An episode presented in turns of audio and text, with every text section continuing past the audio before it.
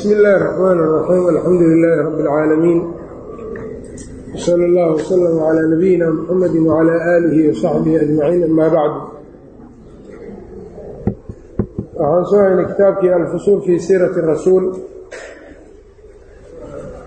sala اllahu alayh waalihi wasalam waxaan soo gaarnay faslun hijratu rasuuli illaahi sala اllahu alayh waalihi wasalam ayaan ku dhex jirnay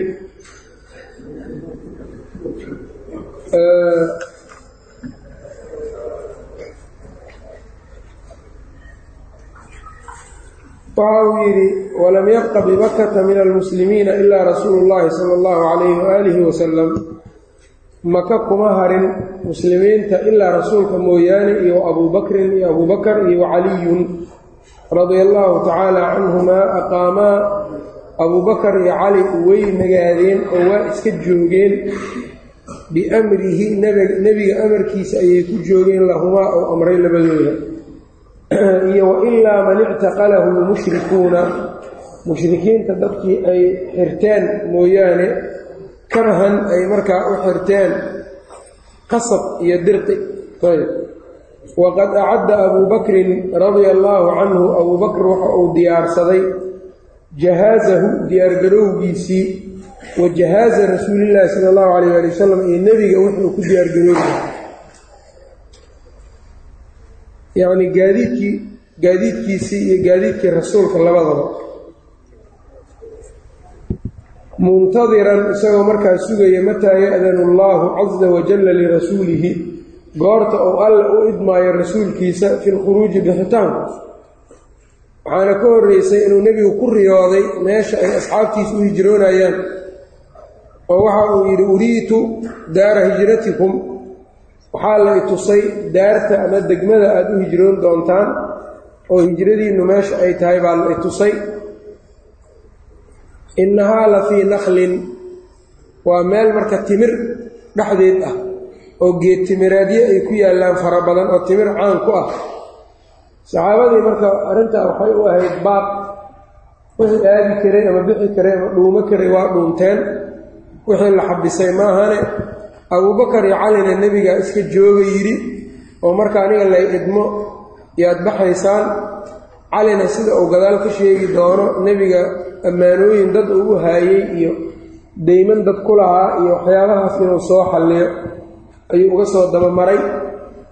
Dayib saxaabadii marka in badanna waa tageen. Marka taabuu marka wuxuu leeyahy ayuu ka fasalka uu ka hadlayaa abuubakar markaa in la baxaayo waa ogaaday wuxuu diyaarsaday. Gaadiidkii lagu bixi lahaa isaga iyo rasuulkaba ay ku bixi lahaayeen. Falamaa kaanat leylatu hama almushrikuuna bilfatki falamaa kaanat markay ahayd leylatu hama almushrikuuna. Marka jumlada hama almushrikuunada ayuu mudaaf ilayhi ka dhigay fii maxalli jirri falamaa kaanat markay ahayd leylatu hama almushrikuun mushrikiinta habeenkii ay hamiyeen markii ay ahayd bilfatki ay hamiyeen ikhtiyaal inay gaadmo ku dilaan birasuuli illaahi sala allahu calayh waali wasalama wa arsaduu ay diyaariyeen cala albaabi albaabkii nebiga albaabkiisana aqwaaman ay ku diyaariyeen dad waa fadhi uu ibliis ka soo qayb galay oo markaa dhowr tale laysku weydiiyey oo taladii la qaatay abujahal ibliiskuna uu soo dhoweeyey oo ahayd toban wiil oo quraysh qabaa'ilkeeda waaweyn ka dhasheen in seefo loo dhiibo hal nabar ay ku dhuftaan marka nebiga. Hadhowna qurayshna la siiyo diyo iyo waxa ay rabto. Waa ikhtiyaal iyo qof inta la dilo cid disha la aqoon waayo. Ayb sidaabay ka rabeen iyagu marka qof mucayana aan lagu soo farfiiqi karin. Marka arrintaa ilaahay suuratul anfaal uga hadla waid yamkuru bika aladiina kafaruu liyubituuka aw yaqtuluuka aw yukhrijuuka wayamkuruuna wayamkuru allah wallaahu khayru lmaakiriin albaabkiisii bay marka ugu diyaariyeen qoom idaa kharaja calayhim hadduu ku soo baxo qataluuhu inay dilaan markaa falamaa kharaja calayhim markuu ku soo baxay korkooda lam yarahu minhum axadun qof iyaga ka mida ma arag oo nebigu ma aanay arkin muusa bnu cuqba isaga wuxuu wariyey siiradiisa uu ku wariyey. Muusa bnu cuqbana siirooyinka la qoray siirooyinka ugu saxiixsan buu ka mid yahay. Kitaabkiisu waa kitaab yar waaye mujalad yar waaye waana qofka uu ka qaatay alimaam maalik siirada cilmigan siirada wuxuu ka qaatay. Muusa bnu cuqba oo sheekhiisa ayuu ahaa wuxuuna ka mid yahay rijaasha saxiixulbukhaariga iyo aad marka wax loogaga wariye ayuu ku jiraa. Wuxuu soo saaray marka muusa bnu cuqba anna caliyan naama calaa firaashi rasuuli illahi sal l salam cali inuu habeenkaa nebiga firaashkiisa u seexday si uu markaa u qariyo rasuulka iyo way markaa markay arkeen inuunan soo bixin ayay gurigii galeen firaashkii bay saa u fiiriyeen cali unbay ku arkeen meesha cali bay marka waxay ku yidhaahdeen aawe maxamed markaasuu yidhi laa cilma cindii wax aan cilmi u ma ogahay ma jiro meel u aaday ma aqaano xadiidkaa marka xaafid ibnu xajar wuxuu yidhi imaam axmed baa wariyey bisanadin xasan. Ayb waqad jaaa fii xadiidin xadiid waxaa ku yimid annahu dara inuu ku shubay calaa ra'si kulli waaxidin mid kastoo minhum iyaga ka mida madaxiisa turaaban inuu ciid ku sayray ayb uma khalusa ilaa beyti abi bakrin. Gurigii abi bakar ayuu u dusay uu tegay radia allaahu canhu fakharajaa way baxeen min khawqatin ayay ka baxeen yacnii dariishad ama albaab fii daari abi bakrin abi bakar gurigiisa ku taallay leylan xilli habeen ah. Ayb habeen bay baxeen.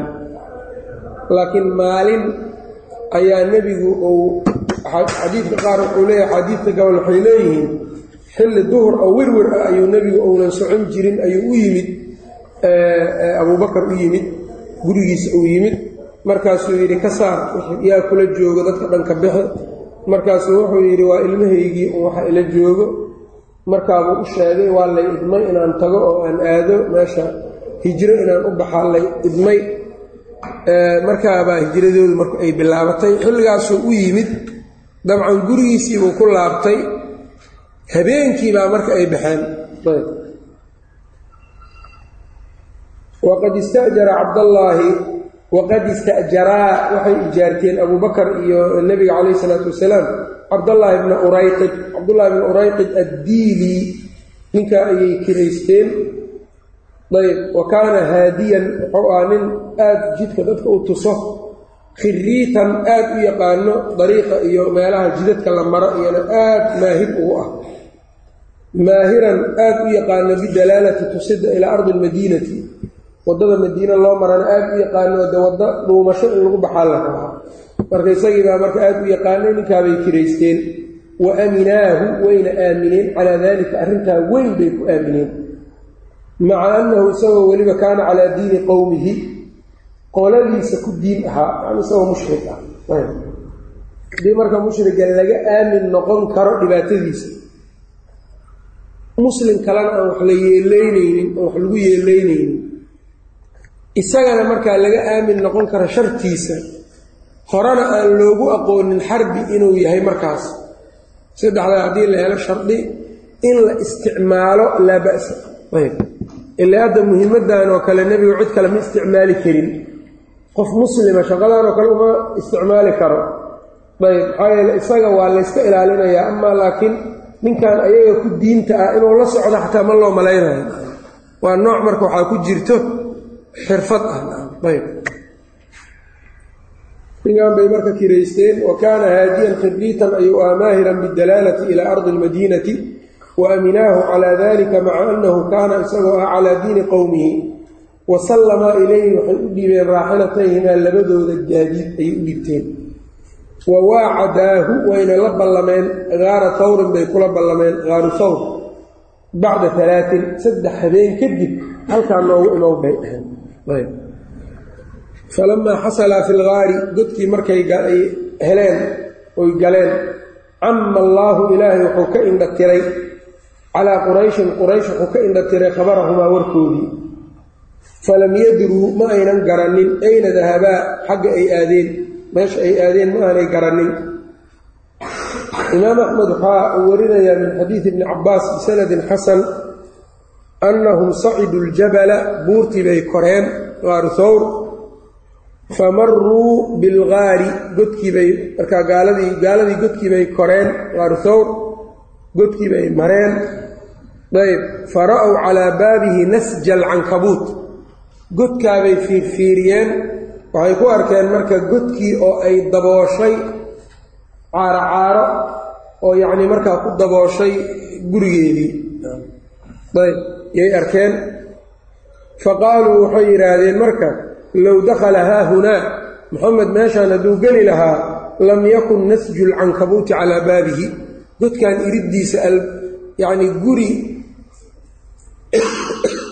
guri caaro caaro kuma oo lahdeen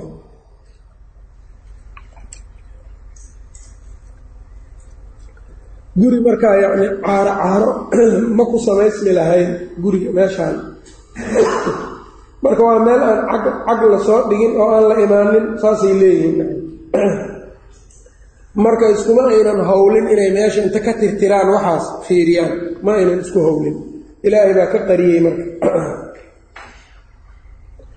Bacdi riwaayaatna waxay sheegayaan qooleyda iyaduna inay markaa buul ku samaysay meesha buul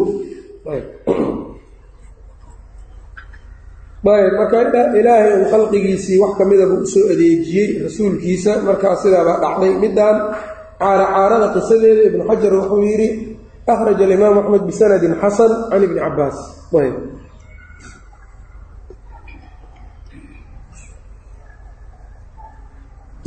wa kaana caamir bnu fuhayra caamir bnu fuhayrana waxa uu ahaa yuriixu calayhimaa inuu ku soo caraabinayo korkooda hanaman ari inuu ku soo caraabinayo liabii bakrin ou lahaa wa kaanat asmaau asmaa waxay ahayd ibnatu abii bakrinna taxmilu lahumaa inay u xambaarayso u qaadayso azaada sahay ila algaari godka ay u qaadayso wa kaana cabdullaahi bnu abii bakrin cabdullaahi bnu abii bakarna wuxuu ahaa yatasamacu inuu u soo maqmaqlaayo maa yuqaalu bimakata akhbaarta maka laga sheegsheegaayo ayuu u soo xooraami jiray oo u soo dhegaysan jiray uma yadhabu ilayhimaa bidalika waana ula imaan jiray ayb fayaxtarisaani minhu markaa way iska ilaalin jireen marka yacnii waxaa akhbaarta u imaanayso yaa darteed marka ay isu ilaalin jireen nebiga abubakar ayb marka meeshan marka waxaad dareemaysaa marka abubakar gacanta uu ku lahaa diinta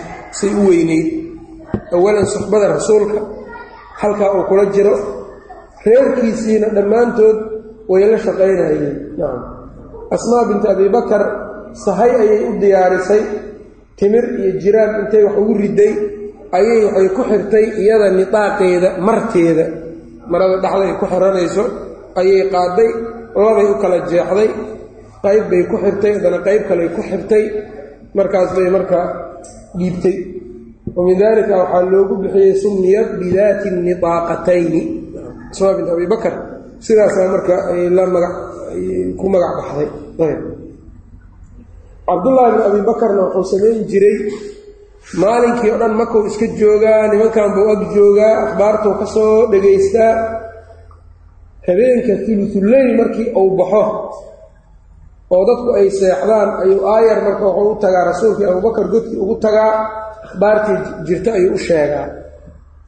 Marka ay tahay tulutuleyl markuu habeenka ka dhiman yahayna waa soo gadoomaa sidii marka subaxii wuxuu noqdaa qof ku dhex bariyey maka qof iyaga la baryeyba subaxiina ay u arkaan oo iyagoo ka soo dhex toosaa. Habeenkii fiidka hore o dhanna waa la joogaa. Ayb. Cabdullahi bin abi bakarna sidaasuu samayn jiray. Sida markaa bukhaarina uu warinaayo musanifkuna uu tilmaamayo uu sheegaayo. Ayb. Caamir ibnu fuhayra iyo rasuulkii abubakar baa marka wada jira. Ayb caamir ibnu fuhayra isaga muslim buu ahaa. Ninkan cabdullaahi bnu urayqidna gaal ayuu ahaa. Islaamnimadiisana kollaytaba yacni culammada wax ka hadlay ma aanan arag. Ayb inuu islaamay iyo in kale. Ayb haddii uu kolley islaamay kutubaha marka asxaabta taraajimtooda looga sheekeeyo isaabada iyo kale iyo ibnu xajar iyona wuu ka hadli lahaa calaa kulli xaal. Akhbaartiisa allahu aclam. Meeshii ku dambeysay wa jaa almushrikuuna mushrikiintii way yimaadeen fii dalabihimaa raadintoodii ay dalbaayeen nebi moxamed dhexdeeda ilaa hawrin qaaru hawr ayay imaadeen. Wamaa hunaaka iyo meelaha iyo wamaa waxa hunaaka meelahaas ah oo min alamaakini meelayow ah. Yani qaaru hawr iyo meelahaas u dhow dhow iyo ayay imaadeen amaakin xataa inahum iyagu maruu waxay mareen calaa baabi algaari albaabka yacni godka albaabkiisii bay mareen waxaadat aqdaamuhum gomadahooda ama lugahoodu waxay la sinmeen rasuul allahi sala allahu alayh ali wasalam nebiga iyo wa saaxibahu lugtoodii. Iyo meesha ay nebigaas iyo abubakar godka uga jireen ayaa ayaa sinnaatay. Ayb waa isku aadameen. Wa cama allaahu ilaahay wuu ka qariyey waa indha tiray. Calayhim iyaga korkooda baab algaari buu ka indha tiray godka albaabkiisa wa waxaa la leeyahay wallahu aclama ina alcankabuuta caaracaaradu saddad way dabooshay calaa baabi algaar godka albaabkiisii bay dabooshay. Wa ina xamaamatayni laba qooleyna cashashataa waxay ka buul dhigteen calaa baabihi godka albaabkiisa. Godkii albaabkiisa ayay xashiish iyo yacnii qashin iyo ayay dhigeen buul oo kale ka samaysteen ibnu kaiir marka wuxuu ka cabiray wayuqaalu waxaa la leeyahay lannahu agtiisa isago inaynan ka ansixin laakiin ibnu xajar qisat lcankabuut bisanadin xasan ay ku timid buu yidhi fatxulbaariga fadalika ta'wiilu qowlihi tacaala ilaahay qowlkiisa tafsiirkiisii waaye kaas ilaa tansuruuhu faqad nasarahu allah ilaa tansuruuhu haddaydnan u gargaarin in iyo laaw ilaa tansuruuhu haddaydnan u gargaarin nebi moxamed faqad xaqiiqehe nasarahu llaahu ilaahay baa u gargaaray id waqti buu alla u gargaaray akhrajahu aladiina kuwii ay bixiyeen kafaruu kufriyey ay saareen oo maka ka saareen.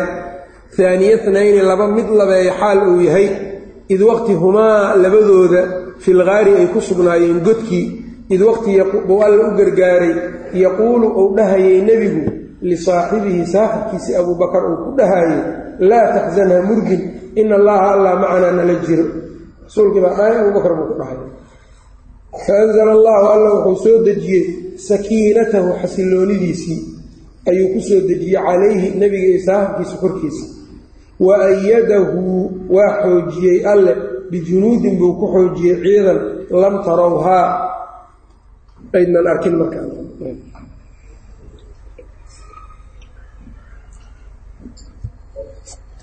ciidankaa marka aan la arkaynin waxay leeyihiin culammada waxaa ka mid a caaracaaradan iyo qooleydan iyo waxaan oo dhan ba iyo midkan laftirkiisa isagoo gaalka ah dadkii inta ka qariyey akhbaartiisii waddadii tusaaya kulli ilaahay baa u wada sakhiray.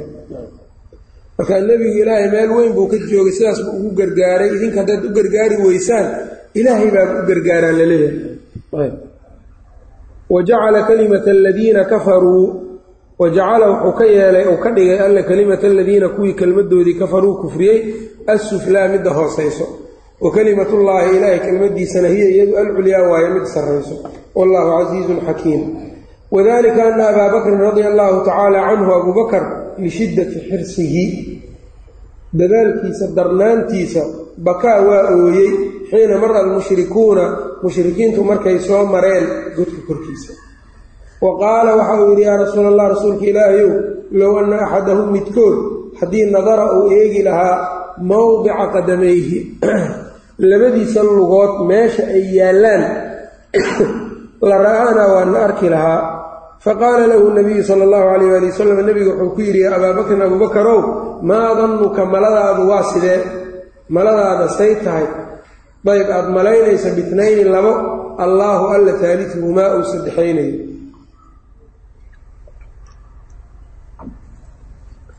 Maxay kula tahay yacnii laba qof oo alla uu saddexaynayo? Marka allah na saddexaynayo na kaalmaynayo waa waxbaa cabsanin ayb abubakar marka meelahan dhan fadaaishiisa iyay tusaysaa geesinimadiisa iyo yacnii iyo siduu nebiga uga fakaraayo iyo iyo nebigu meesha uu ka joogo abubakar cid kale aynan raacin ilaa isaga ma ahan cidda keliya ee nebigu uu jeclaystay inay hijrada u raacdo abuubakaroo dadkaa ka dhex xushay lidaalika marka ummaddan marka la leeyahay afdalu hadihi alumma bacda nabiyiha abuu bakrin waa arrin marka adiladu ay tusayso qur'aanka iyo sunnadu labadaba ay tusaayaan ayb markii dambe nebigu uu geeriyoodayna markii nebigu uu sakaraadka ahaana waa kii yidhi abubakar alla iigu yeero oo u sheega dadka ha tujiyo. Markay caaisho tiri ina abaa bakrin rajulun raqiiqun asiifun nin murug badan oo ooyin badan oo qalbi jilicsan oo markuu meesha tago qur'aankii uu akhriyo ooyin badan ooyin badan weeyaan ka daa rasuulka ilaahiyo markay tirina waa kii nebigu diidayoo ku adkaysta abubakar oo yidhi ina kunna la antunna sawaaxibaatu yuusuf idinkaad aad naaga tihiin naagihii yuusuf oo kalea tihiin buu yidhi oo waxa aad muujinaysaan iyo waxaad qarsanaysaan baa kala duwan. Ayb oon islahayn iyadu marka abubakar waa qalbi jilicsan yahay iyo waa uun barnaamij ay marka sheegayso laakiin ujeedkeedu waxaa weeyaan meel nebigu joogi jiray oo salaad ka tujin jiray haddii abubakar istaago. Waxay isleedahay dadku amay eedeeyaan aabbahaan. Ila meel nebi maxamed taagnaawa ninka dambeo istaagaya laba mid noqon karo marka waxaa la arkayaa marka nuqsaantiisa si aan loo arag ayay rabtay dadka inuunan isaginaan la eedaynin qof kale la eedeeyo marka nebigu uu leeyahay waxaad rabtaan iyo waxa aad sheegaysaan yaan isku mid ahayn. Ina kunna la antunna sawaaxibaatu yuusuf ayb abubakar marka manaaqibtaa buu leeyahay shiicadu laakiin waxay u fakeraan si foorar ah. Bani aadamku hadday bidcada ka badato iyo sandaqada iyo munaafiqnimada hadday ka badato wixii wanaagsanaay qaladu u fahmaa shiicadu marka waxay leeyihiin aayaddan waxay tusaysaa abubakar inuu saxbo isku haynin. See u tusee baa la yidhi waxay yidhaahdeen walwalkan tirada badan iyo cabsidan iyo ooyintan iyo uu leeyahay yacnii waana arki lahaayeen iyo cali sidaas ma ahanay leeyihiin isaga mowqifkaas nin joogo oon sidaas noqonin yacni waxaa weeyaan ma suuragal ma aha. Ayb. Hal adayga abubakar uu lahay waa la ogyahay markii nebigu uu dhintay ee dadkoo dhan mowqif istaageen isaguna uu istaagay mowqif nimankii markaa diinta ka baxay uu ka istaagay markii dambena isaga tiisi inay yacni layskugu yimid oo inay yacnii saxsanayd cumar iyo keyrkiiba ay arkeen hal adayg iyo maahan qof iska fulay oon tala iyo go'aan aan lahayn abubakar ma aha. Ayb mowqifkan laakiin nebigu u welwalayaa isagana. Ayb walidaalika riwaayaadka qaar ama kutub siira waxay sheegeen ibnu isxaaq iyo kale inuu abubakar marna horay ka socday nebiga mar gadaal uu ka soconaya mar midigta mar bidixda. Intaa uu islaam mar un madiino gala rasuulkaa nabad gale. Ayb midda kale waxay leeyihiin faanzala allaahu sakiinatahu calayhi baa la yidhi calayhimaa lama dhihin. Marka abubakar xasilooniba laguma soo dejinin abubakar nin diin uga xasiloonaan badnaa ma jirin. Waxyaabaha marka iyagu iyagaa marka si wixii wanaagsanaabay wax qaldan ka dhigeen maxaa yeeley ilaahay meeshaan ninka abubakar buu ku ammaanay oo uu yidhi id yaquul yani id akhrajahu aladiina kafaruu haaniya tnayn id humaa fi lgaar id yaquulu lisaaxibihi yani ilaahay inuu yidhaahdo abubakar ku sheego saaxibu nabiyi fi lgaar oo mowqif adag oo nebigu uunan uga bixin iyo ammaan ugu filan. Ayb. Laakiin iyagu waxaa weeyaan belada iyo dhibaatadu waxay gaarsiisay middaabay tan iyay arkaan.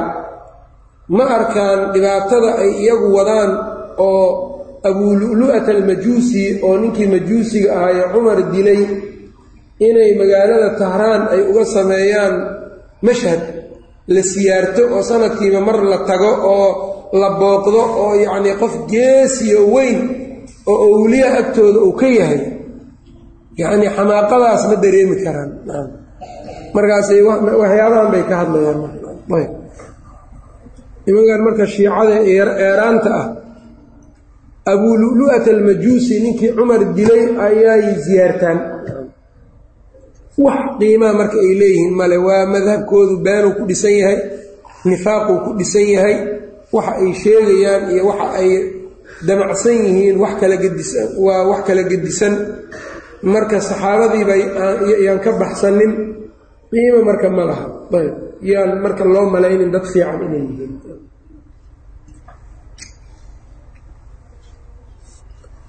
Culimmadii taabiciinta shacbi baa waxaa laga wariyey inuu yidhi low kaanuu min albahaa'imi lakaanuu xumuran. Hadday xoolo ahaa lahaayeen dameero oo kale yay ahaan lahaayeen. Yani xagga balaadada iyo doqolnimada. Ayb walow kaanuu min aayri shimbira hadday noqon lahaayeenna lakaanuu rakhman. Shimbir dhagar badan oo yacni khiyaano badan. Iyaga dhan dad khiyaano badan oo damiinnimona ay laasimtay way. Labadaas isagu darantay. Imaamu dahabina waxa uu yidhi balilkadibu shicaaruhum waannifaaqu dihaaruhum shiicadu munaafiqnimaduna waa funaanadda ay kor ka wataan beentuna waa tan ay hoos ka wataan ee garanka ah korkooda ku dheggan. Ayb. Weligoodna mowqif garabka bax unbay islaamka ku ahaayeen fi taariikh mar kastana marka sidaas weeyaan xaalkooda. Ayb. Walamaa kaana bacda alaai walamaa kaana bacda athalaati markii saddexdii maalmood kadib ay ahaatay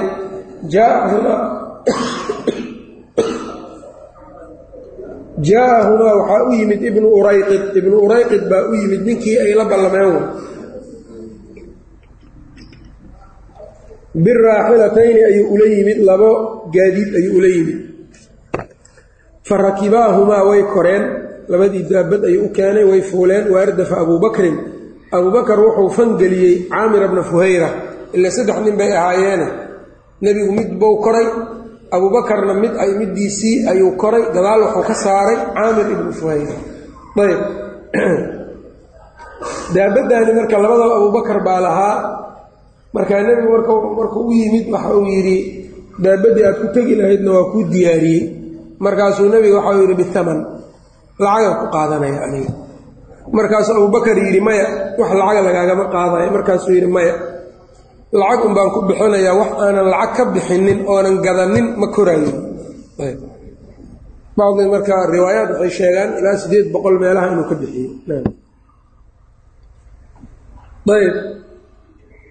Markay sidaa ahayd ninkaabaa u keenay waardafa abuu bakrin caamir bna fuhayra wa saara diiliyu amaamahumaa ninkii marka diiliga ahaa cabdullaahi bnu urayqid waayee isaguna wou socday amaamahumaa hortooda ayuu ku socday calaa raaxilatihi isagoo gaadiidkiisa fuushan wa jacalat qurayshun quraysh waxay guda gashay liman jaaa biwaaxidin hal ninkii la yimaado mid min muxamedin sala allahu calayh waali wasalam min muxamedin ah sala allahu calayh waali wasalam iyo wa abii bakrin radia allaahu canhu midkood yacnii ninkii keeno inuu leeyahay mi-atan boqol oo min alibili geel boqol halaad oo geela in farta laga saarayo ninkii ama abuubakar ama muxamed keeno falamaa maruu bixayi bixayi mudlij lidaalika marka mushrikiinta laftirkooda abuubakar waa la weynaa ayb muxamed ama abuubakar ninkii keena boqol. Abuu sufyaan markii uu dagaalkii uxud xoogaa muslimiintu uu dhaawaca uu soo gaarayna. Waa kii qayliyey yidhi afiikum muxamedun afiikum abuu bakrin afiikum cumar bis intaasu sheegay maxamed midinku jiraa abuubakar midinku jiraa cumar midinku jiraa haddii cid ka fadli badan ama cid ka karti badan oo kale ay jiri lahayd waa soo qaadi lahaa laakiin wuxuu ogaa abuubakar iyo cumar nebiga labadiisa garbood inay ahaayeen talo iyo dadnimo hadday noqon lahayd iyo geesinimo inta ayb markaa qurayshi sidaabay yeeleen falamaa maruu markay soo mareen nebiga abubakar iyo caamir ibnu fuhayra iyo ibnu urayqid bixayi mudlij reer mudlij. Qoladaa yacnii degmadoodii markay soo mareen. Basura bihim waxaa arkay suraaqatu bnu maalik ibni jucshum ayaa arkay. Sayidu mudlij reer mudlij odaygeedii fa rakiba jawaadahu faraskiisii orodka badnaabuu soo koray. Aljawaad waa faraska orodka badan oo baxdooyga ah. Ayb. Ayuu soo fuulay. Wa saara fii alabihim wa saara wou socday fii dalabihim. Raadintoodiibuu ku soo socday marka. Falamaa qaruba minhum markuu u soo dhowaaday wa samica qiraa'ata anabiyi sala allahu calayh waali wasalama nebiga qiraa'adiisiina ou maqlay. Wa abuu bakrin radia allaahu canhu abuu bakarna yughiru ou badinaya aliltifaata milicsiga. Salaad bay ku jireen dabcan nebigu qiraaa qur'aan buu akhrinayay abuubakarna waa milicsanayo waxaa laga qaadanayaa marka qofka salaadda isagoo ku jiro daruuro darteed waa milicsan karaa hadday xaaji iyo daruuro ay keento inuu milicsadaa dhib ma laha. Milicsigu adoon jeesanin inaad isha dhagdhag ka siiso. Weyaan lama ogola bilaa xaaja laakiin idaa kaanat lixaajatin waa la ogol yahay. Maxaa nebiga abuubakar kama celinin. Xaaladaasna dee xiraaso iyo waardiya layska haaya ayb markii nebiga laftirkiisana waa sameeyey sidaan oo kale. Oo ixdaa khasawaatihi nin buu diray nebiga orod buu yidhi gaaladaas akhbaar nooga keen. Oo yacni jaasuus buu diray.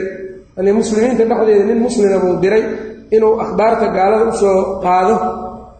Waa baxay marka nebigoo tukanayo ayuu marka sii socday. Rasuulka marka isha ayuu la raacayey oo waa milicsanayay isaga oo godkii yacni ka sii degdegaya buurta isagoo buurta ka sii degdegaya ayuu milicsanayay marka milicsiga abuubakar waa xaajo iyo daruura miday keentay sida nebiguba u sameeyey calayhi salaatu wasalaam. Ayb. Iltifaatka marka nebigu ou reebay waa midka aan bilaa xaajada ah waay bilaa daruurada ah. Sidaa marka u qaado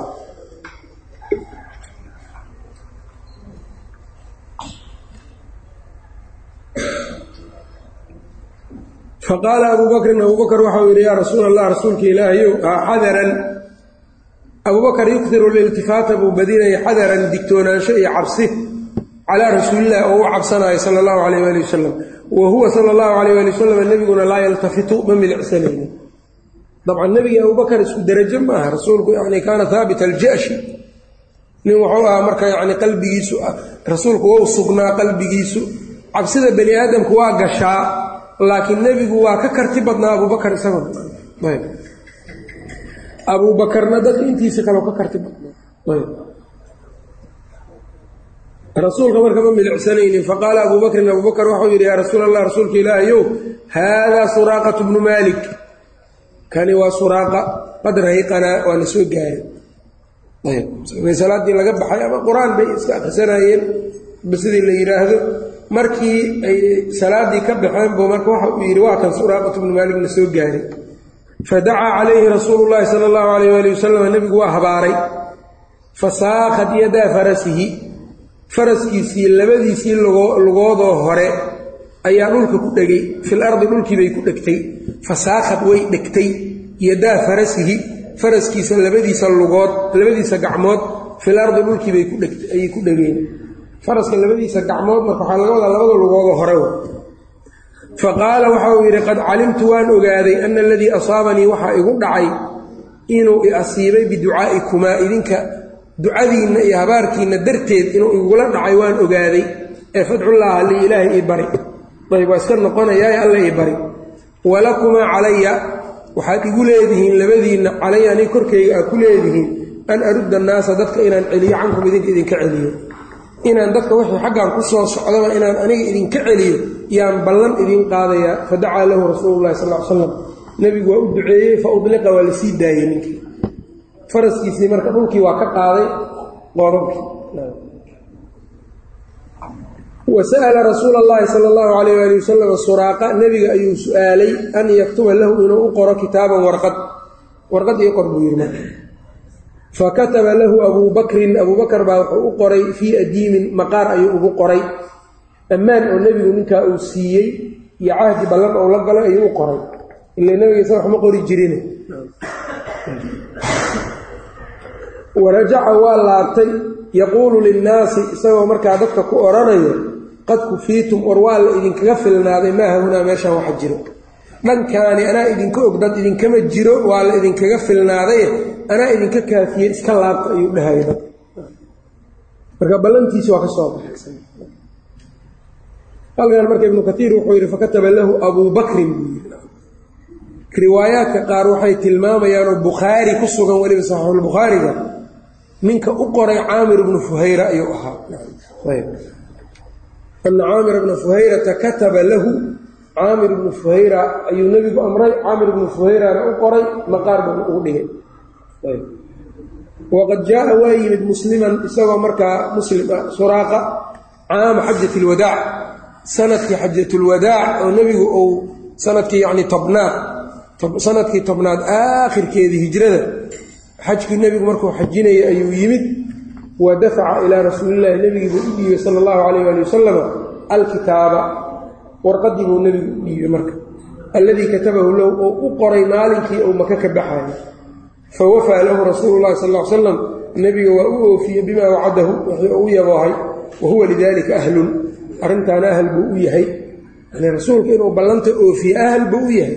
Haddaan isaga oofinin ballan yaaba oofiye yaaba oofinaya ballanta. Riwaayadka waxay tilmaamayaan ninka suraaqa xajatulwadaac nebigii uma imaanine inuu u yimid ka hor dagaalkii xunayn. Markii uu nebiga qoladaa hawaasin reer yacni xunayn reer hawaasin markii uu dagaalkaa xunayn kula dagaalamay maalkoodii iyo xoolahoodii waxoodii la soo qaaday jiciraana isagoo jooga meesha la yidhaha jiciraana ayuu nebiga ugu yimid. Markaasuu warqaddii iyo u keenay. Markaasuu dabcan islaamayna waxa uu yidhi markaa warqaddii markuu tusay nebiga nebigu waxa uu yidhi marka alyowmu yowmu birin wa wafaa'in maanta waa maalin khayr iyo maalin wax laguu oofiyo. Waa laguu oofinayaa wixii ballamo ah dhammaantood. Mar walbana nebigu sidaa buu ahaa. Ayb. Wa mara rasuulullaahi marka suraaqanada nin saxaabiyu ayuu noqday. Wa mara rasuulullaahi sala allahu calayh waali wasalam nebigu wuxuu soo maray fii masiirihi socodkiisii daalika kaagaas ahaa bikhaymatay ummi macbadin. Laba teendhoo ummi macbad ay lahayd. Haweentaa buu soo maray. Fa qaala cindahaa agteedii buu ku qayluulsaday xoogaa waa ku nastay waa ku istiraaxay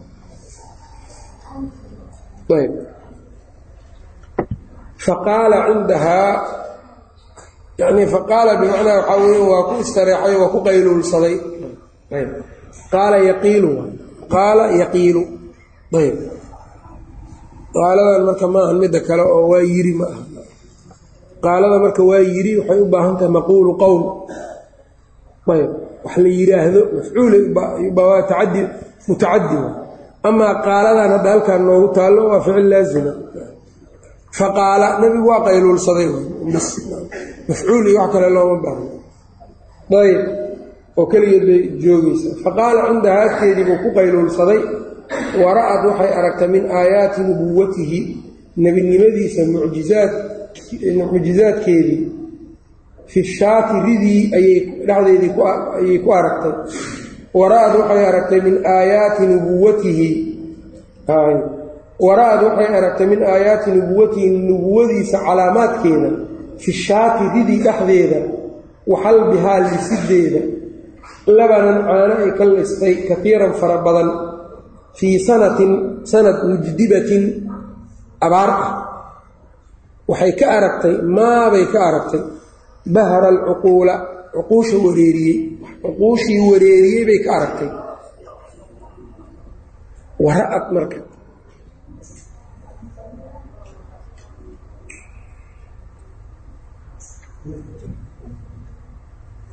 Wara'ad mafcuulkeeda maa bahara alcuquula maa bahara alcuquula. Ayb. Ayb. Mucjizaadkaa nebigay marka aragtay oo ridii iyadoo waqti abaar la joogo oo candhadeedii waxba aan ku jirin nebiga intuu salaaxay ayaa caano ka soo buuxsameen caano badan baa laga lisay oo nebigii iyo abubakar iyo dadkii dhammaa ay ka cabbeen.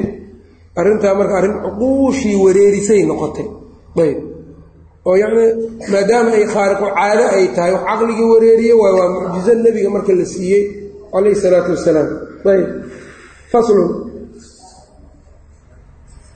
Qisadan marka umu macbad iyada ayb ibnu katiir bidaaya wa nihaayu ku sheegay wuxuuna tilmaamay duruq fara badan inay ku timid yashuddu bacduhaa bacdan.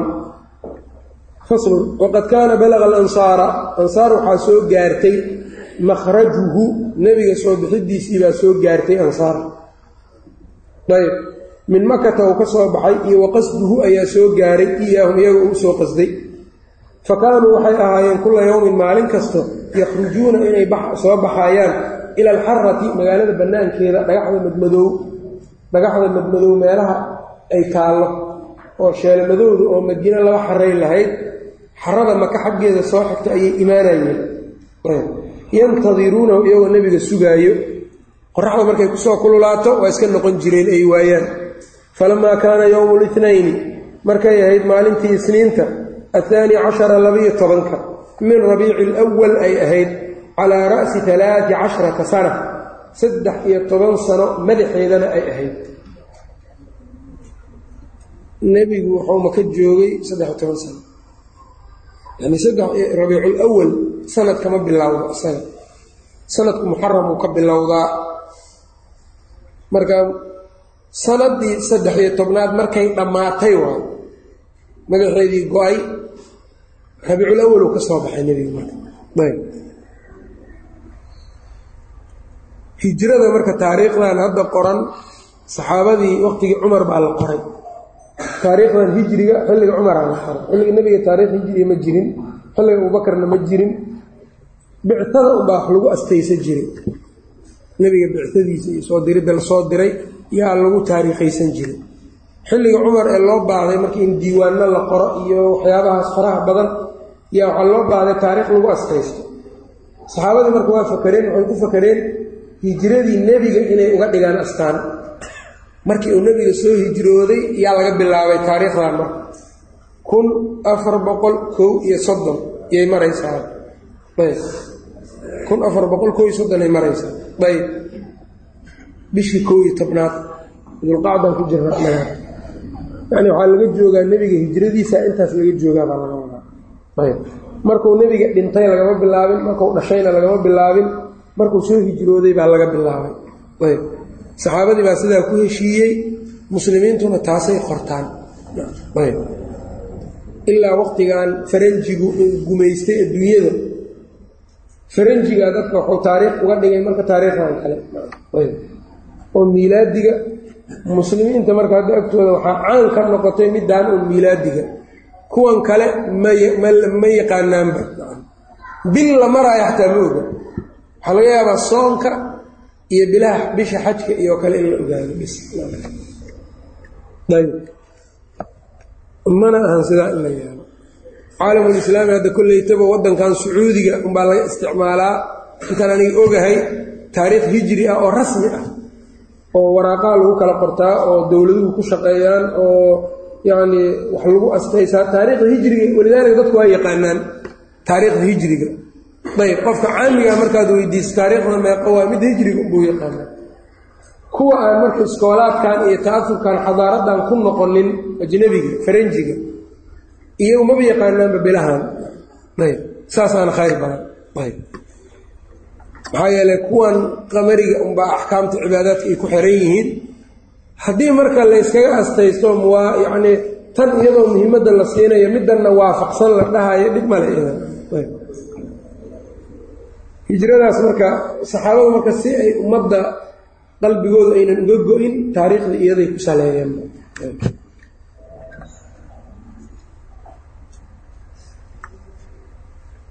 ayb markaa markay go-day waafaahum rasuulu llaahi sala allahu alayh waali wasalama nebigii baa soo gaaray madiine ansaartii buu soo gaaray degmadoodii xiina ishtadda markuu darnaaday adduxaa yacnii barqadu markay kululaatay maalintu markay kululaatay wa kaana qad kharaja alansaaru ansaartiina way soo baxeen yowma-idin maalintaas. Falamaa qaala calayhimaa markuucalayhim markuu ku dheeraaday falamaa qaala calayhim markuu ku dheeraaday rajacuu ilaa buyuutihim guryahoodiiba iskaga laabteen markay qoraxda ku kululaatay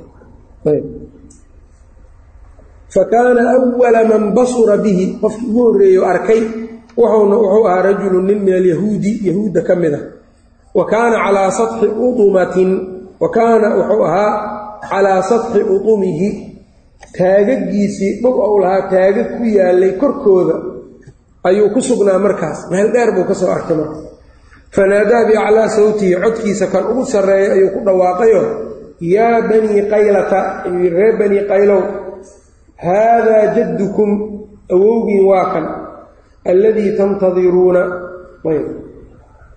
Aada suganayseen. Ama haadaa jaddukum dheeftiinnii haadaakani jaddukum dheeftiinnii weeyaan alladii tantadiruuna aada suganayseen bani qaylana waxaa la yidhaahdaa ansaarta awsi khadraj baa laysku dhahaa ayb. Yaa banii qaylata haadaa jaddukum dheeftiinnii waayo kan alladii tantadiruuna aada suganayseen fakharaja alansaaru ansaar way soo baxeen fii silaaxihim hubkoodii bay ku soo baxeen. Fatalaqowhu nebigii bay qaabileen oy la kulmeen. Waxayowhu way salaameen. Bitaxiyati nubuwati nebinimada salaamteeday ku salaameen yani sujuud iyo rukuuc iyo ma samaynin yani salaam ixtiraam ku jirto nebinimadiisana laa'iq u abay salaameen. Wanazla rasuulu llaahi sala allahu alayh waalih wasalama markaa nebiga xilli qorax kulayl abuu markaa madiine u soo wanazla rasuulu llaahi sala allahu alayh waali wasalam nebigu wuxuu degay biqubaa quba ayuu degay. Qubaa marka waa xaafadda reer bani camr bni cawf ay deganaayeen waa qabiil marka ows ka mid ah xaafaddii ay deganaayeen ayuu nebiga ku soo degay. Calaa kulhuumi bni lhidm ayuu ku soo degay. Wa qiila waxaa la yidhi bal calaa sacdi bni khaytama ayuu ku soo degay. Wa jaءa almuslimuuna muslimiintii waa yimaadeen yusallimuuna calaa rasuuli illahi sala allahu alayh waali wasalam iyagoo nebiga salaamayo wa aktaruhum kan ugu badnaa wa aktaruhum badankoodna lam yarahu ma aynan arkin bacdu weli intooda badanna nebiga qof arkay kuma jirin. Yani badankood waa nebigu ma aynan arkin wax yar unbaa arkay. Fa kaana bacduhum qaarkood wuxuu ahaa aw aktaruhum ama badankoodba yadunnuhu nebiga wuxuu u malaynayay abaabakrin bay u malaynayeen. Ma aynan garanaynin rasuulka ciduu yahay abubakar bay nebiga u malaynayeen. Ayb. Likarati shaybihi ciradiisa badnaanteeda darteed falama ishtadda alxaru kulaylku markuu darnaaday yaa qaama abubakrin abubakar uu istaagay bihawbin mare ayuu la istaagay yudallilu calaa rasuuli illaahi sala allahu alayh ali wasalam isagoo nebiga harinaayo qoraxda uga dhigaayo ayb fataxaqaqa annaasu dadka markaasay garteen rasuulka calayhi salaatu wasalaam fataxaqaqa annaasu dadkii markaa waxay hubsadeen ay ogaadeen xiina idin markaa rasuula allahi sala allahu calayh waalihi wasalama ayb fasalkan marka ibnu kaiir xadiidkii bukhaari ayuu badankiis keenay ee dheeraa ee hijrada nebiga ka sheekeynaya calayhi salaatu wasalaam. Qubaa marka meesha ugu horreysoo nebiga uu madiine ka degay qubaa bay ahayd. Dhowr iyo labaatan habeen ayuu meeshaa deganaa. Masaajid buu ka aas-aasay. Masjidu qubaa la yidhaahdo haddana taagan. Halkaa masaajidkaasu ka aas-aasay. Sabti kastana nebigu markii dambe kiisii uu dhisayna sabti walbaa waa soo aadi jiray markaasuu ku tukan jiray. Salaada lagu tukadaana masjidu qubaa waxay u dhigantaa nebigu sida uu yidhi cumro oo kale ajru cumratin ayay leedahay. Laakiin masjidu qubaa meel safar loogu qasda ma aha. Masaajidka nebiga iyo madiine markaad u qasado yaad aayar marka maraysaa isaga laakiin inaad qubo keligii u qasado saddexda masaajid ka mid ma aha isaga fakaana marka sidaasaa marka uu masjidu qubaa ayuu ku soo uu joogay. Labaatan iyo dhowr habeen buu meeshaa joogay isagoo markaa salaadiina dadka ku tujinayay.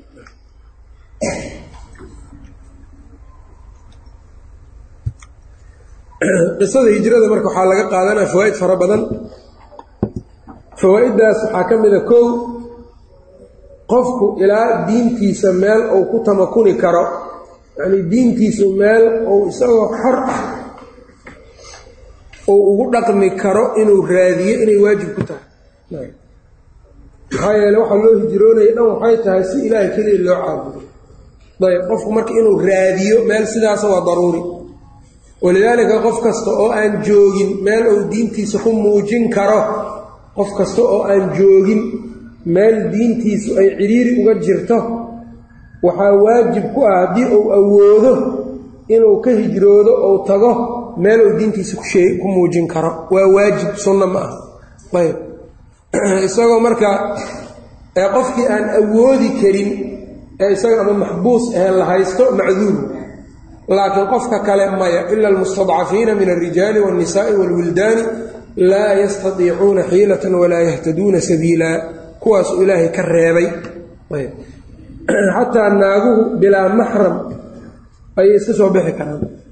Meel ay diintooda ku hayn karin hadday ka tegayaan aakhir zamaankana nebiga wuxuu sheegay marka fitnadu dhacdo qofka dadka ugu fadliga badan waxaa ku jiro nin dadka ka dhex baxay meel cidla ah oo baadiye ah la tegay diintiisa ariga meeshaa ku raacdo isagoo sidaas oo alle keliya caabudaya mowdka u imaaday. Mar walba hijradu marka waa taaganta xataa aakhir zamaanka waxaa laga hijroonayana waa xumaanta iyo macsida.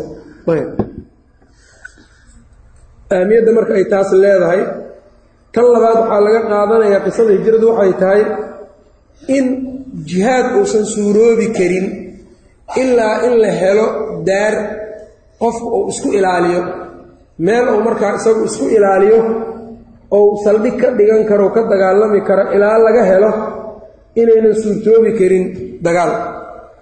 Maxaa yeeley nebiga asxaabtiisa intii ay maka joogeen dagaal lama farin. Laakiin muqadamaadkii dagaalkay ku jireen. Muqadamaadkii dagaalka waa maxayna in meel la raadiyo.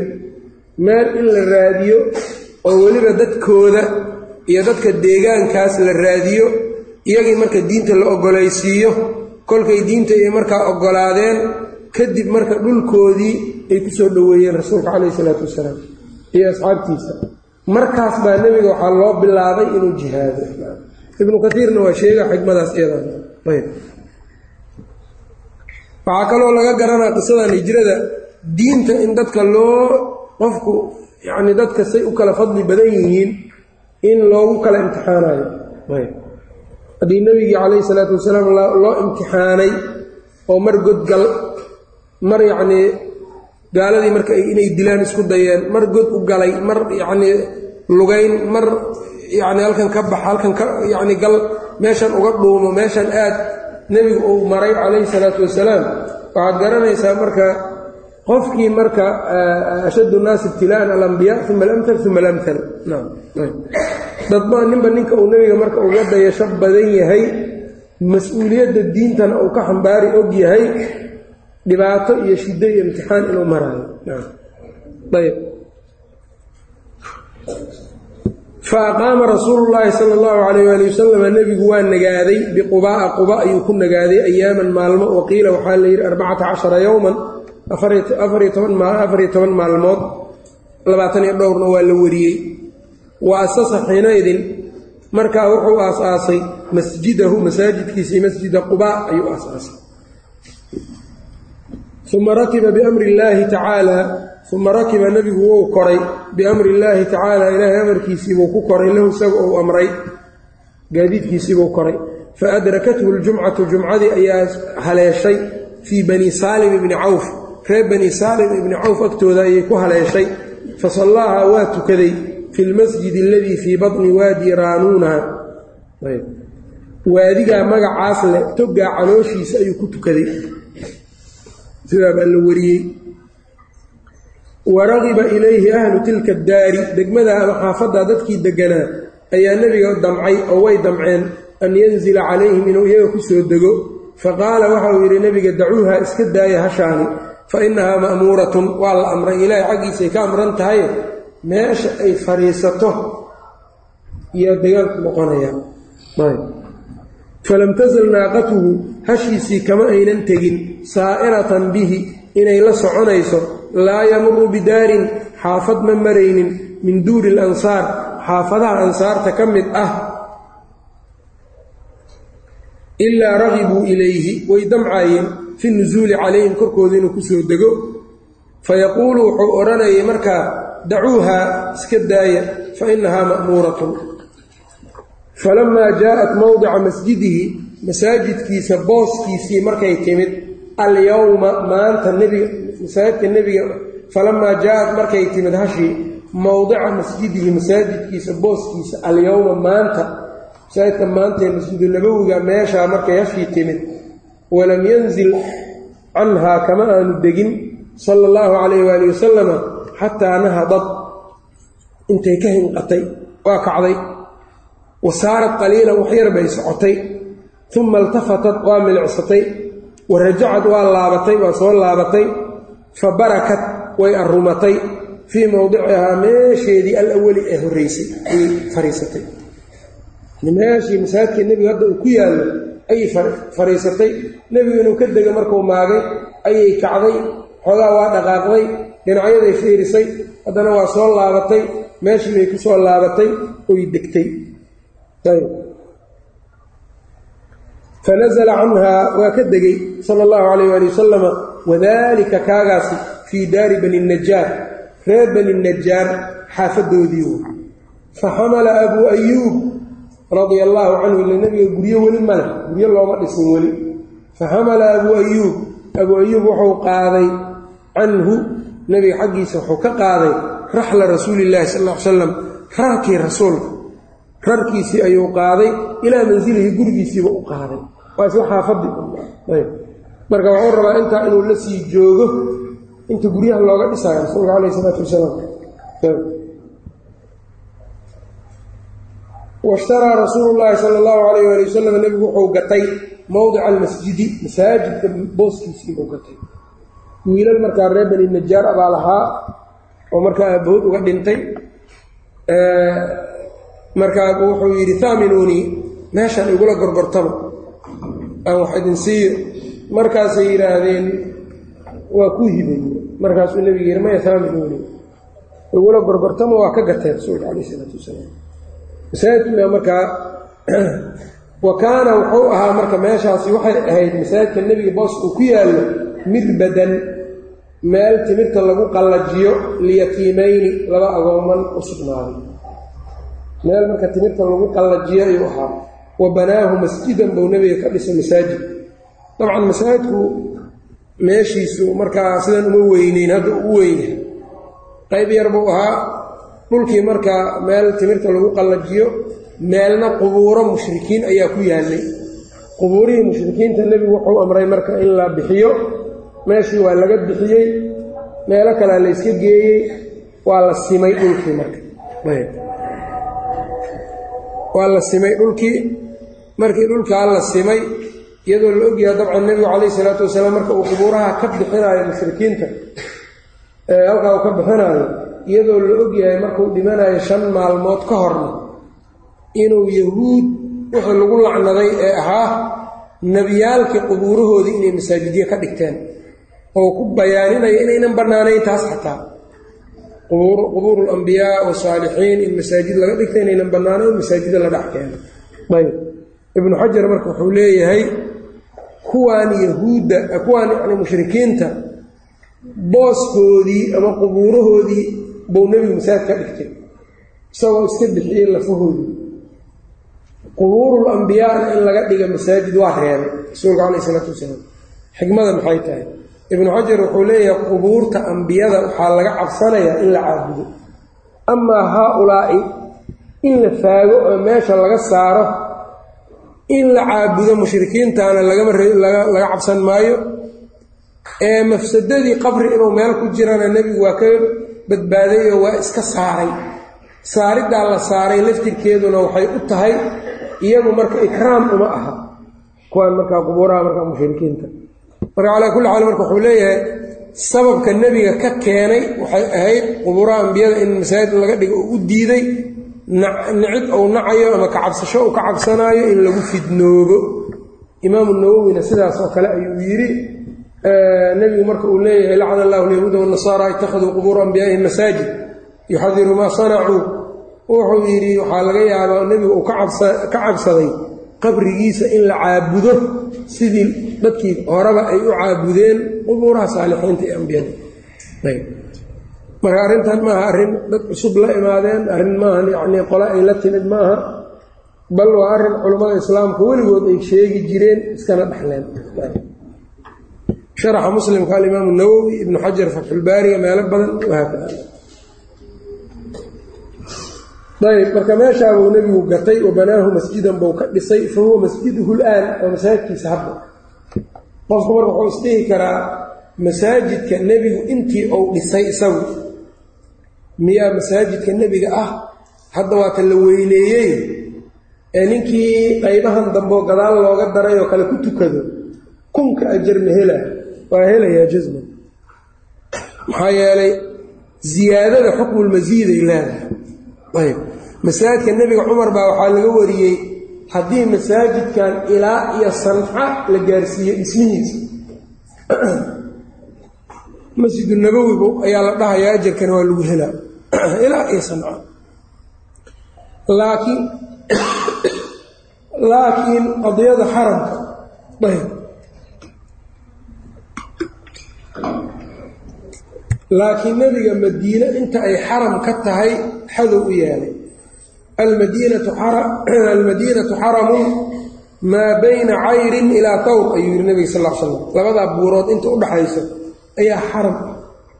Masaajidka nebiga marka haddii inta la weyneeyo labadaas buurood u dhaafo.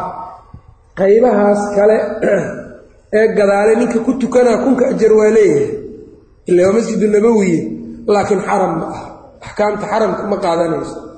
Marka axkaamta xaramnimada iyo ajarka ku xiran masjidku saasay u kala gedisan yihiin.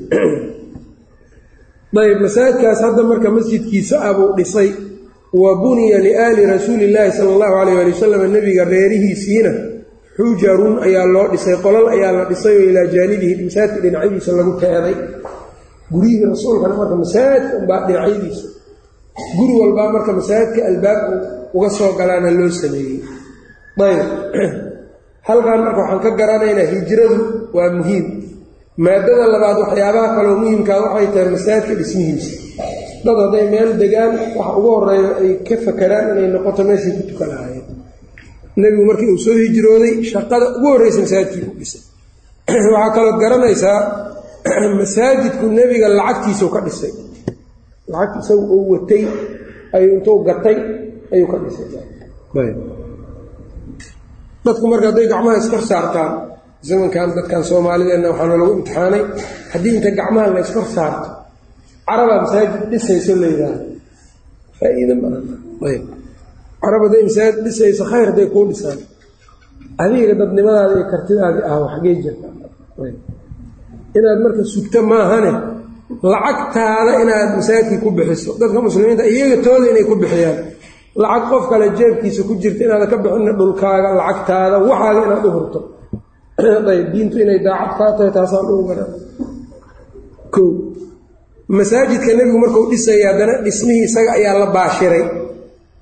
Isaga iyo asxaabtiisiiba isla dhisay. Ayagoo markaa dhahayo nabiga soo dhahay allahuma qfir lilansaari waalmuhaajira allahuma laa caysha ilaa cayshu laakhira faqfir lilansaari waalmuhaajira ilaahu nolol ma jirto nolosha aakhira ma ahane ansaar iyo muhaajiriin ilaahu u dembi dhaaf. Ansaartii iyo muhaajiriintii baa la dhisaysa rasuulka cala salatu salaam isagiina uu ku jiro dhagaxa wax ka qaadayo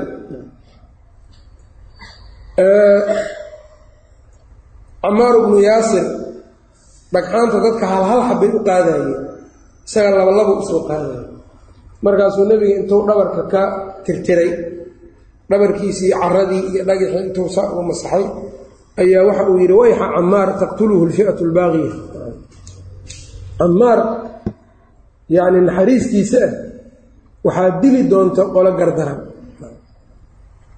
Saa buu yidhi rasuulka calayh isalaatu wasalaam. Oo axaadiidta marka loo daliishado saxaabadu markay dirireen daa'ifada cali xaqu inuu meeshaas u dhowaa. Camaar lianna camaaran kaana maca caliyin radi allahu canhu. Cali buu la jiray ayb. Mucaawiyayana wuxuu dhihi jiray camaar bacdi ahlilcilmi waxay dhahaan qoladii dilkiisa toos ula baashirtay weeyaan dadka gardarada iyo lagu tilmaamayo kooxdii isaga markaa dilkiisa la baashirtay iyo xadiidka lagu macnaynayaa bay dhaheen. Ayb. Qof kastoo baaqiya oo gardaranna in dagaal lagu bilaabo ma aha isaga naftirkiisa. Oo aayadda saxaabadu meesha ay yidhaahdeen ku shallaayeen waxay ahayd xuruubtaas aayadda wain daa'ifataani min almu'miniina iqtataluu fa aslixuu baynahumaa baan lagu camal falinay dheheen caaisha iyo yacni iyo cali iyo rag dad badanoo saxaabadii ka mida sidaasay dheheen cali garta ha lahaado ha laga gardarnaado dhinac kale gardarrada hay ha lahaadaan laakiin maxay ahaydna islaax in la galo. Islaaxii baan marka ayaa laga ilduufay islaax lama gelin dagaal unbaa si wuxuu ku dhacay kadis ah oo marka dad weliba rabshad wadayaal ah oon saxaabada ka mid ahayn iyaa rabshada ka shaqeeyey. Marka saxaabadu waxay dhaheen aayaddan dhaqangelinteediibaa maskaxdeenni ka baxday. Mar dambey xasuusteen fa aslixuu baynahumaadaas marka nin walboo gar daran macnaheedu maahan in lala dagaali karo. Ninkan markuu gar daran yahay waxaa la rabaa in islaax horta la sameeyo. Ayb. Gardarradiisi waa in inta lagu oogo muslimka ku oogo dabadeed lala dagaalo. Aayaddu say farayso islaaxa iyo qitaalka islaaxa horeeyo islaaxi baa laga tegey marka. Markii dambena waa isgarteen saxaabada nin walbaana dagaalkaas ma mahadinin. Calaa kulli xaal mucaawiya isaga wuxuu dhihi jiray camaar ninkii meesha keenaa dilay. Meesha waxa keenayna cali baa keenay buu dhihi jiray. Calina markuu maqlo warkaa loo sheego wuxuu dhihi jiray nebi moxamedna xamse isagaa dilay marka. Ayb. Ila goobtii wuxuu isagaa keenay maxaa iska gala mar waxbaa keenay cali isaga marka saas isaguna dhihi jiray radia allaahu canhu ayb. Calaa kulli xaal saxaabada kulligood waa wada cuduul waana wada wanaagooda ka badnaa ayb. Hadday wax ka dhacaan. Masaajidkaa marka saasay ku dhiseen maraaxil buu soo maray masaajidka rasuulka. Intii nebigu joogay wuxuu ka samaysnaa korkiisa geedka timirta yacnii dogobkiisa iyo caleenteeda iyo ayaa korka looga saqaf looga dhigay. Roobka waa soo dayi jiray xilliga rasuulka calayh isalaatu wasalaam roob markuu do-o intuu soo da'o ayuu qoyi jiray masaajidka. Markaasaa nebigu mararka qaarkood wejigiisa dhoobo iyo ciid yale yaa la arki jiray. Calayh isalaatu wasalaam. Marxalad wuxuu soo maray iyadana ayb naqshado iyo ziino iyo qurux fara badan oo qofka tukana uu ku fidnoobana ma lahaan jirin. Bal waa reebay in masaajidda sidaa laga dhigo. Marxaladii labaad waxay ahayd xilliga cumar. Masaajidka waa la waasiciyey. Dhanka waxaa loo waasiciyey nebigu. Qolka caaisha maahane qolalkaa maahane dhanka kale loo waasiciyey. Iyadoo marka in qabriga masaajidka la soo geliyo la diidaayo. Xilligii cusmaanna masaajidka waasacnimo aad u weyn baa la waasiciyey.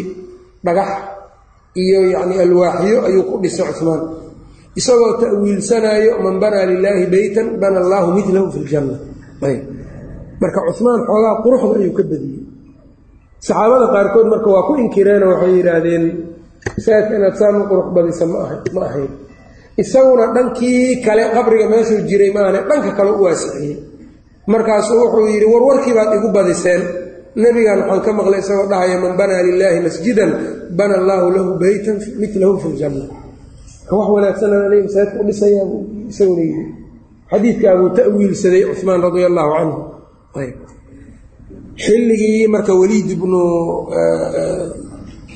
waliid ibnu cabdilmelik ninkii la dhihi jiray boqoradii amawiyiinta ka mid ahaa waqtigiisii ayuu wuxuu iibiyey masaajidka qeybtii guryaha nebiga xigtay ayuu iibsaday xaasaskii nebiga iyo buu ka iibiyey wixii noolaa. Iyo dadkii ama ama dadkii markaa iyaga ay guryihii joogay.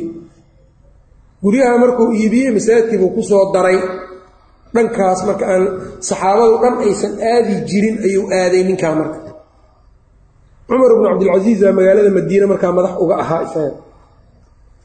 Meeshii marka qolkii rasuulka marka uu ku duugnaa sidaa ayuu masaajidka ku soo galay. Ninkaa weliid sababkiisuu masaajidka ku soo galay. Saxaabadii marka saxaabada ma nooleyn marka. Cid saxaabiyo nooleyn markaa ma jirin xilligaas. Walidaalika qabriga in masaajidka la soo geliyo laysa calayhi camalu saxaaba. Saxaabada camalkooda ma uunan ahayn sidaas.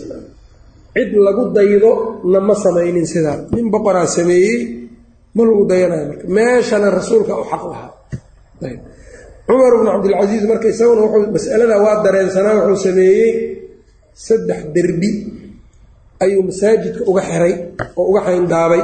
Ayb markaa nebigu meeshuu ku duugnaa intuu derbi ku wareejiyey mid kaloo haddana sii qallooco ku wareejiyey mid saddexaaduu korka ka sii saaray. Ayb masaajidkii dhammaabuu ka gooyey marka si ahaan oo qofka tukanaya meel uu qabriga ka jira nebiga ma garan karin hadda laftirkeeduna sidaa unbuubaa ayuu ku joogaan ayb dadka marka u daliishanaayo masaajidka qubuur laga yeelo waa bannaan tahay. Qabri in masaajidka laga dhex sameeyo waa bannaan tahay. Qabriga nebigaa ku samaysan dhahaayo. Nebigu ma asaa ku sameeyey qabrigiisa meesha ma saxaabadii baa ku sameeyeen. Yaa yeelay sidaan. Camal marka qof lagu daydo camalkiis ma ahayn. Walidaalika saciid ibnu lmusayab iyana way naceen arrintaas dadkii fadliga badnaa cilmiga lahaa inuu dhinacaas aado way diideen. Ayb. Waqtiyadii dambe marka oo cusmaaniyiintu nimankan atraagta ay xukumayeen dhulka ayaa haddana nebiga qabrigiisa qubad laga dul sameeyey qubaddan hadda cagaaran oo aada arkaysaan nimankaa ayaa sameeyeen. Waqti dhow waay ma dheerataan waxaasoo dhan marka waa acmaal ay sameeyeen dad aan lagu dayanin oo nebigu ku dayda uusanna dhihin. Axaadiidtii marka nebigu intuusan dhimanin shan maalmood ka hor uu yidhi lacna allahu alyahuuda wanasaara ittakhaduu qubuura anbiyaa'ihim masaajid. Caa-ishana ay tidhi nebigu wuxuu ka digayaa dadkaa waxay sameeyeen. Marna ay tidhi walowlaa daalika ubrisa qabruhu. Haddii nebigu uunan ka cabsanaynin qabrigiisa in masaajid laga dhigto waa la muujin lahaa rasuulka qabrigiisa. Bannaanka ayaa nebiga lagu duugi lahaa. Sida dadkaba loogu duugo bannaanada ayaa bannaan lagu duugi lahaa. Laakiin waxaa laga cabsaday in dadku ay meel lagu tukada ka dhigtaan.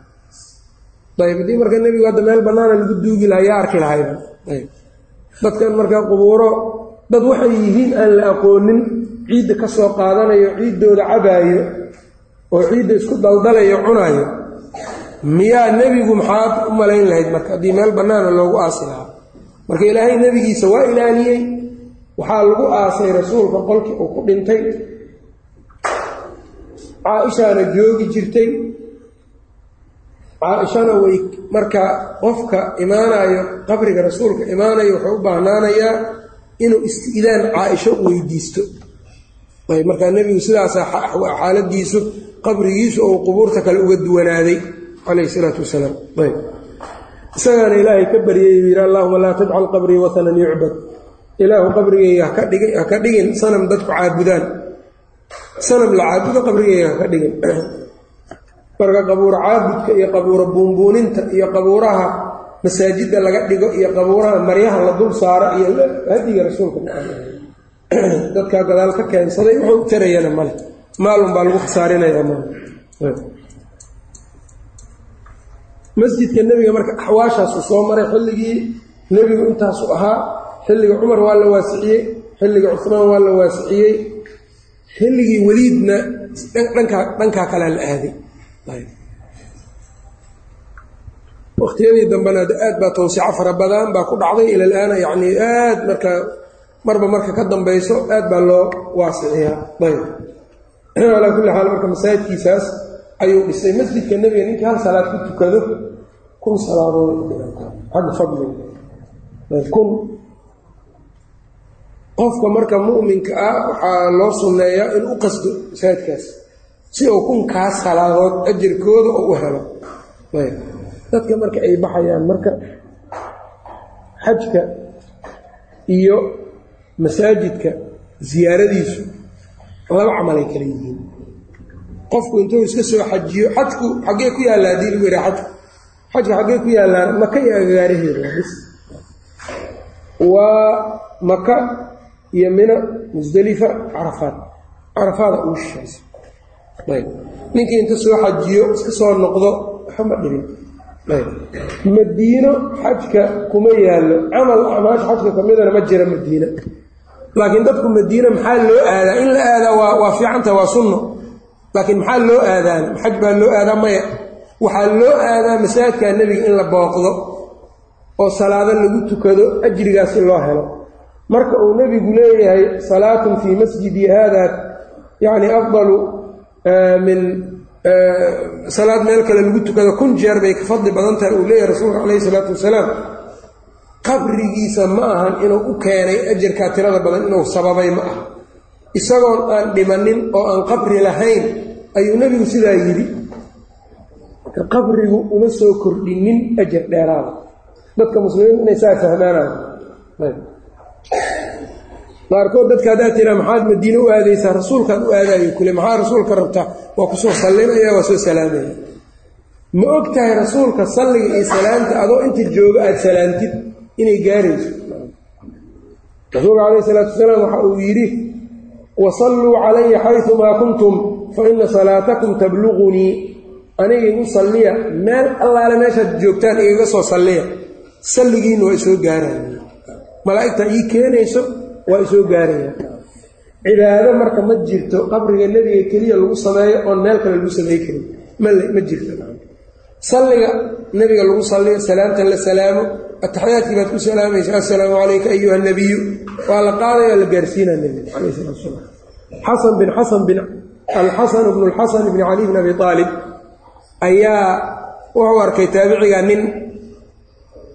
Ayuu ku yidhi qabriga nebiga fadhiyo oo halkaa marka joogo. Markaasuu yidhi war kaale cashadan u soo dhawaawe cun markaasuu yidhi ma raba aniga halkaa qabrigan joogayaa nebigaan rabaa inaan aad ugu salliyo.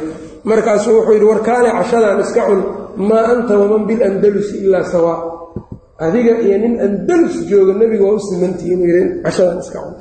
Ninka andalus joogo hadduu nebiga ku salliyo waa la soo gaarsiinaya. Marka fiqigii salafku sidaas u ahaa masaajidku marka waxa uu ku mutaystay waxaa weeyaan kownuhu masjidkii nebiga inuu ahaa. Qofka baxaaya marka xajka aadaya kale way u fiican tahay maadaama safarkaasi fursad kale madiine uunan u helaynin inuu soo maro madiina. Waa u fiican tahay. Marka madiine maxaa loo tagaa? Masaajidka nebiga in lagu soo tukado salaadaha wuxuu ilaahay kaa waafajiyo. Rasuulka marka qabrigiisa ziyaarada la ziyaaranaya marka waa tabac.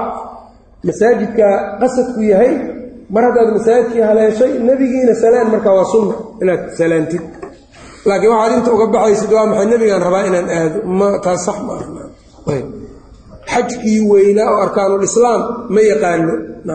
Maxaad u baxaysaa xajkii maxaa loo aadaa? Nebigaa la soo ziyaartaa. Siyaaradii rasuulkan aadaa buu ku leeyahay. Xajkii arkaanulislaamka ka mida rugniga shanaad ahaa maslaxdiisi eber. Waxaa loo taga marka waa masaajidkaas.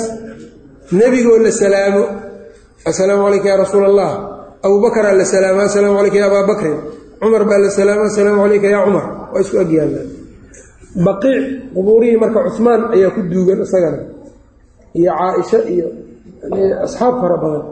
Baqiic qubuuraha iyagana waa la booqdaa. Sidii nebigu u booqan jiro kale assalaamu calayka yani assalaamu calaykum daara qowmi mu'miniin. Wa inaa in sha allahu bikum laaxiquun. Yakfir allahu lana walakum ayb shuhadaau uxud iyagana waa la booqdaa. Dadkii uxud ku shahiiday toddobaatanka iyo dhowrka ahaa nebigu sida u ziyaaran jiroo kale iyana u ziyaaranayaa qofku. Masjidu qubaa oo ku soo tukanayaa intaas waa meelaha la ziyaarto madiina. Masjidu qubaa maqbarada baqiic masaajidka nebiga oo asalka ah iyo rasuulka iyo abubakar iyo cumar qubuurahooda oo la salaamo. Aadaabna marka in la laasimo oo marka la ducaysanayo qabriga nebiga aan loo jeesanin waa in qiblada loo jeesto haddaad duca rabto. Qabriga waad ka jeesanaysaa qibladaad u jeesanaysaa. Nacam ilaa allah la baryaayo. Ayb rasuulka lama baryo lamana caabudo. Qabrigiisu marka salaam buu kugu leeyahay iyo salli. Nebiga calayhi salaatu wasalaam inaad codka ugu dheerayso korkii qabrigiisa markaad booqanaysana ma ahan. Qabriga in calool la saarsaarta haddamaba la gaaraba taase yani hadday dhici lahayd in qabrigii aad agtiisa istaagto in caloosha la saarsaaro in la dawaafo in la dhunkado midna ma bannaano. Yacnii imaamu nawowi kitaabkiisa idaaxa ayuu ku sheegay waxyaabahaas marka masaajidka nebiga waxyaabaha ku tacalluqo oo in laga sheega marka mudan weeyaan. Wa ama caliyun radia allaahu canhu cali fa aqaama bimakata maka ayuu isagu nagaaday raytamaa addaasi oo u guto oo u gudo can rasuulillaahi sala allahu calayh waali wasalam nebiga oo uga gudo alwadaa'ica ammaanooyinkii allatii kaanat cindahu agtiisa ahayd. Ammaanooyinkii nebigu oo u haayey dadkii si uu u bixbixiyo wagayra dalika uma laxiqa birasuuli illahi sal l salam markaa ayuu nebiga soo haleelay ka bacdi tanna waxay ku tusay nebiga ammaanadiisa dadkii magaalada ka soo qixiyey oo soo rafaadiyey ammaanooyinkii oo u haayey nebiga kama xadin kamana dhicin bal waxa uu yidhi cali buu u reebay u celi buu yidhi. Sidaa buu yidhi marka ninkii ku khayaano khayaan dhaqankaa nebigu ma yeeli jirin calayh isalaatu wasalaam. Wabilahi towfiiq sal sal ala nabiyina mxamd